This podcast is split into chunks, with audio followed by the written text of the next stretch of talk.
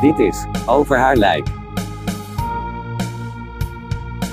Een podcast over wat er op je pad komt als je vrouw de diagnose uitgezaaide borstkanker krijgt. Sebastiaan Paap neemt je mee op een eerlijke reis waarvan niemand weet waar en wanneer deze gaat eindigen. Dit is Over haar lijk.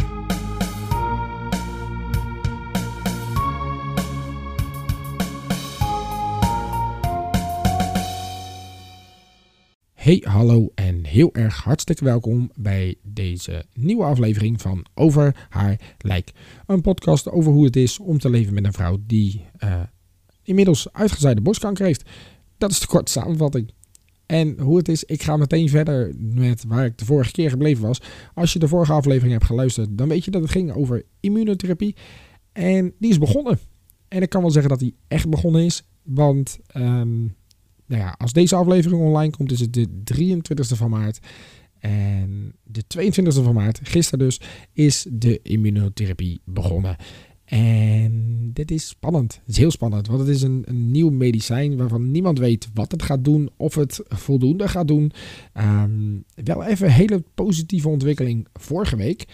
Uh, resultaten van de CT-scan. Er is nog wel duidelijk um, ja, meer celactiviteit te zien dan dat je had gehoopt. Er zijn tumorcellen die nog steeds groeien, maar ze groeien minimaal. Um, en kort samengevat komt het erop neer dat ze in twee maanden tijd uh, 0,2 centimeter gegroeid zijn. En dat klinkt nog best wel veel, en daar vind ik het ook. Maar van de andere kant is het niet een groei die uh, meteen zorgt uh, dat, dat die immunotherapie niet door zou kunnen gaan. Uh, die gaat nu wel door en die is begonnen. En dat is een hele heftige. Dus ja, mijn vrouw heeft er redelijk wat bijwerkingen van gehad. Uh, heel, geen hele fijne, kan ik je vertellen.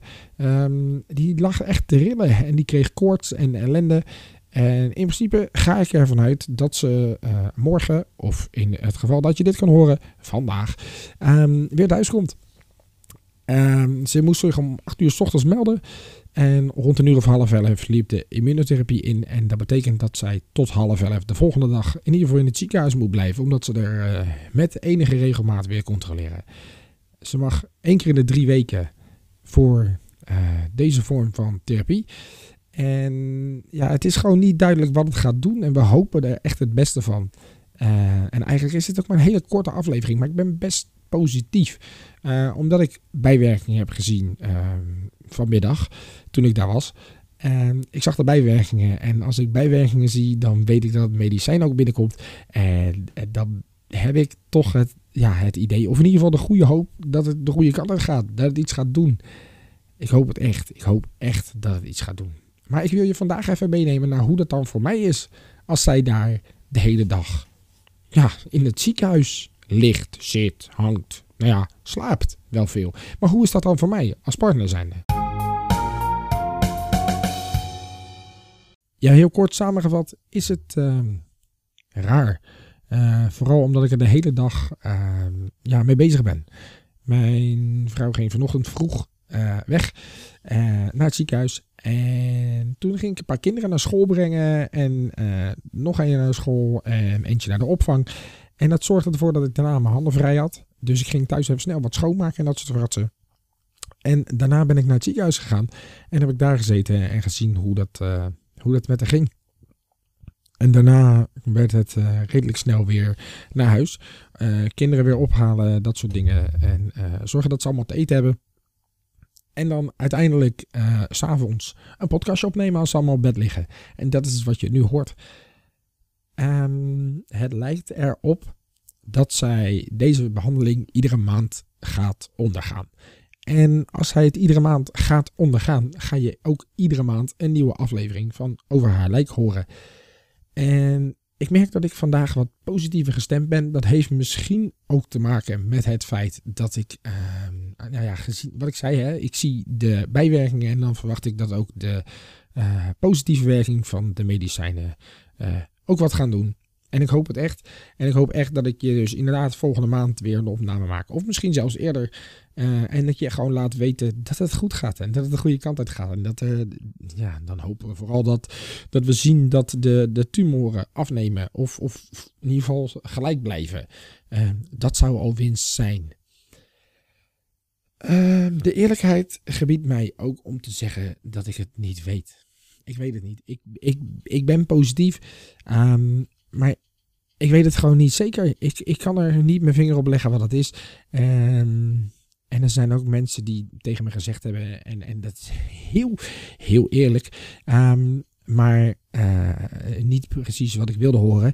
Er zijn ook mensen die vandaag tegen me zeiden: hey, maar voelt dit dan als een soort van uh, voorbereiding op hoe het leven is als zij er niet meer is? Nee, liever niet.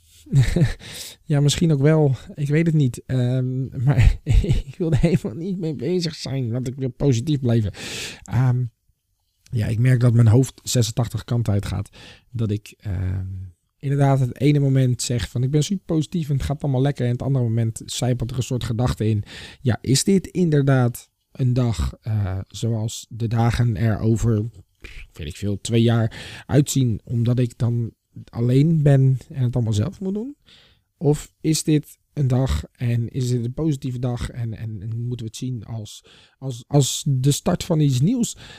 En dat, dat wil ik. Ik wil het heel graag zien als de start van iets nieuws, als iets positiefs. En uh, ja, dat is, dat hoe het nu staat. Uh, ik kan er niet zoveel over zeggen. In principe komt ze morgen weer naar huis toe.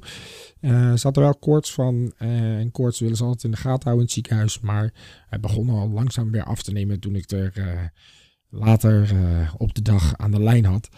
Dus dat is positief. Um, ja, ik heb eigenlijk niet zo heel veel meer. Het enige wat ik nog eventjes moet zeggen is um, dat ik uh, heel blij ben met de reacties. Ik heb een aantal mensen, uh, heb ik bericht van gekregen. En vind ik heel tof om te horen. Uh, mocht jij je reactie willen geven op deze aflevering of op de hele situatie. Of je zegt, hey, ik herken dit. Of um, ik zit in eenzelfde schuitje. Dat mag ook. Um, en als jij je verhaal kwijt wil, mag. Er is ruimte voor. Over haar lijken is niet alleen van mij, maar voor, ook voor lotgenoten. En, en dan gaat het toch voornamelijk om partners die langs de zijkant staan. Want ook die mogen wel eens een stem hebben, vind ik. Mocht je dat willen, mag ook. Eh, mocht je iets willen vertellen over wat je van deze podcast vindt, of um, nou ja, van de hele situatie, um, stuur alsjeblieft geen berichtjes. Wat een kut situatie. Ja, dat wist ik al. Um, maar mocht je er iets over kwijt willen, uh, of mocht je vragen hebben, dat mag. Je, echt waar, vragen mag altijd. En ik, ik antwoord in principe altijd. Twitter, of Instagram, Sebas van de radio. En dat is gek, want ik doe helemaal niks met radio. Ik maak alleen een podcast. Dankjewel voor het luisteren. En heel graag tot de volgende keer.